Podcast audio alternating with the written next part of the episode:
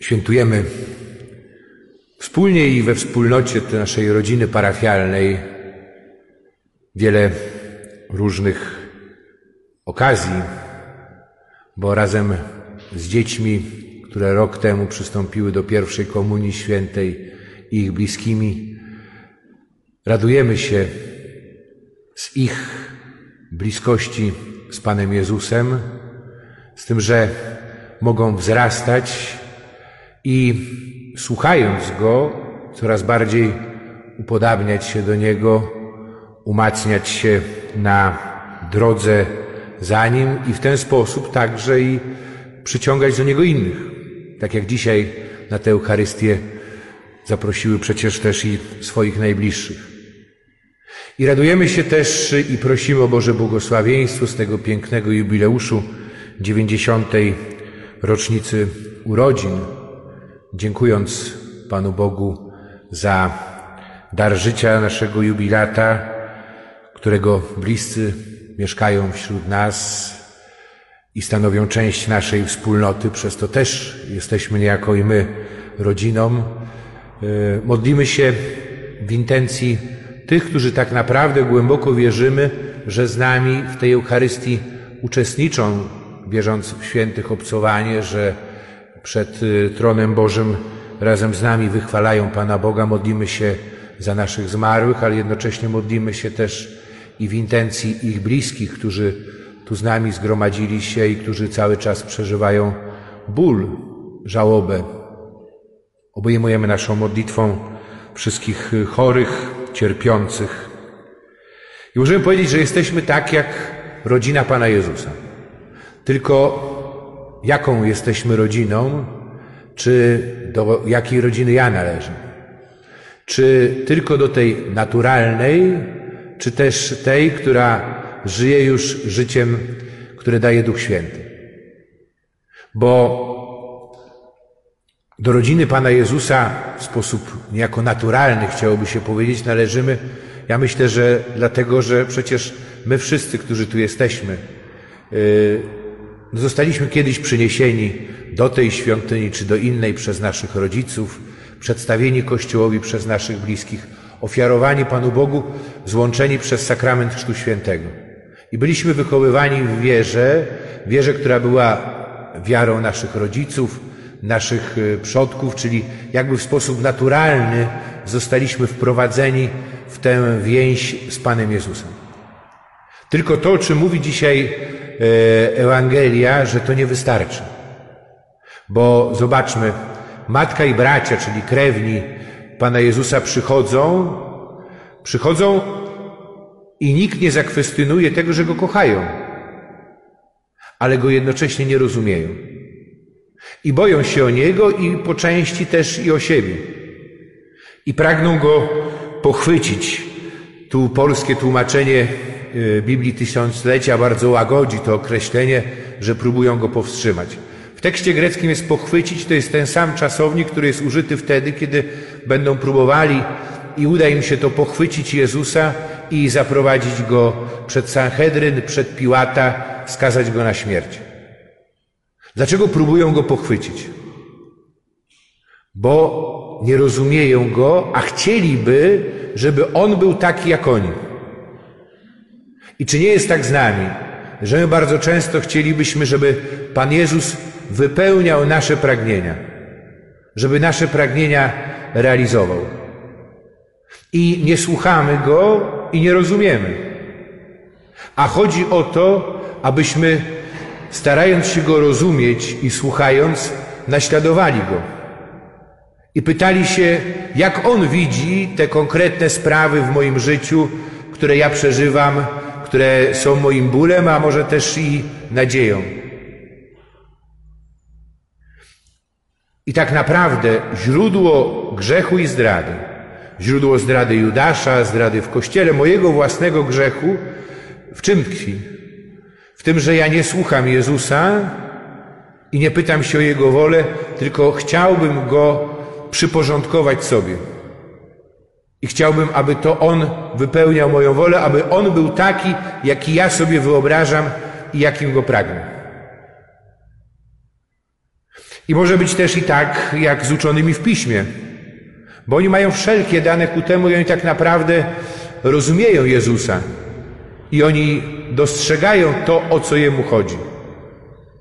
Ale brakuje im miłości i jednocześnie czują się przez Jezusa zagrożeni, bo On kwestionuje nie tylko ich sposób życia, ale kwestionuje to, co ich życiu nadaje wartość. I dlatego rzucają oskarżenie przeciwko Niemu, bo chcą się Go pozbyć. Chcą się od Niego uwolnić jako tego, który stanowi dla nich e, zagrożenie. Jest tłum. Tłum wydawałoby się masa. E, to są ludzie anonimowi.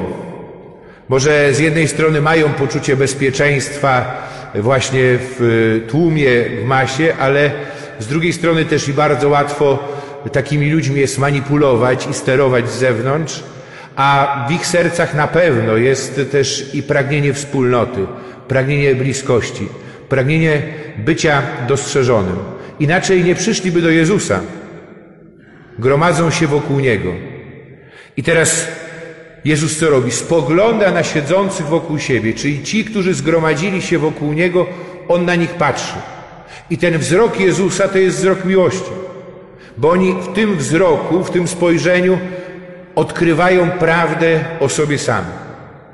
Przede wszystkim odkrywają co? Jak bardzo są ważni, jak bardzo są kochani przez Pana Boga. I to jest spojrzenie, które nie potępia, ale wręcz przeciwnie. To jest spojrzenie z miłością i miłosierdziem, które daje życie, to życie, którego brakuje. I Pan Jezus w taki sam sposób patrzy na nas.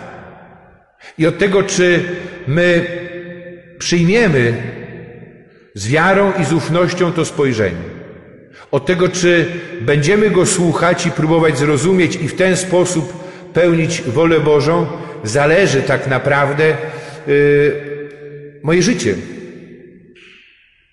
I to, czy ono będzie pełne radości, pełne nadziei, Y, od tego zależy też, y, jak będą wyglądały nasze wzajemne relacje.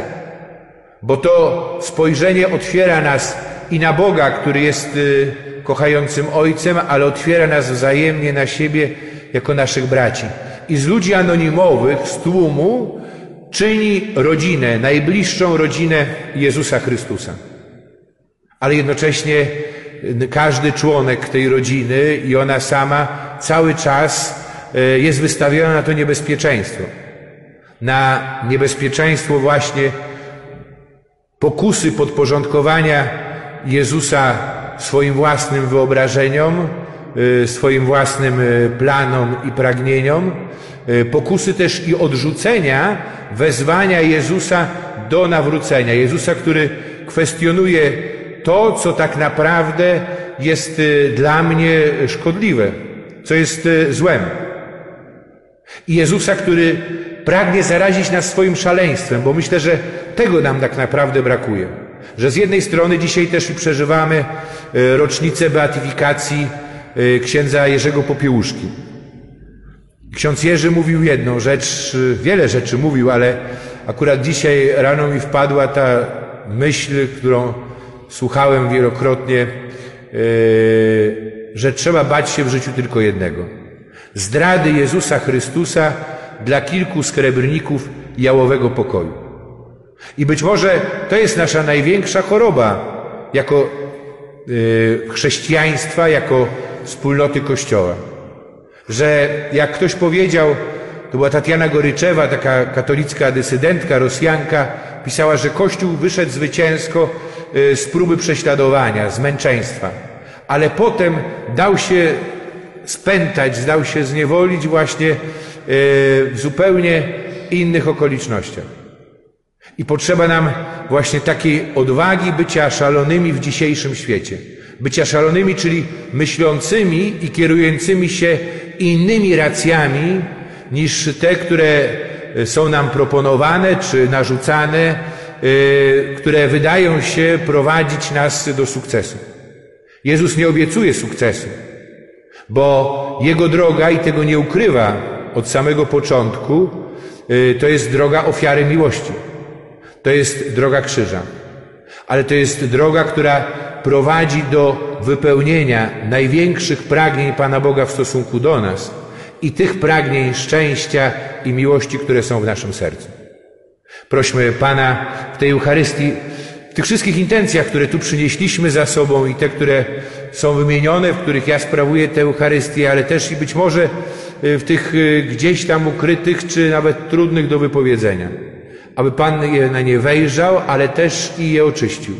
Aby y, dał nam to światło, abyśmy umieli Jego oczyma spojrzeć na swoje własne życie, na nasze relacje, na świat i abyśmy mieli odwagę zapytać się, dokąd On nas prowadzi, dokąd chce nas posłać i jaką misję nam zleca. Amen.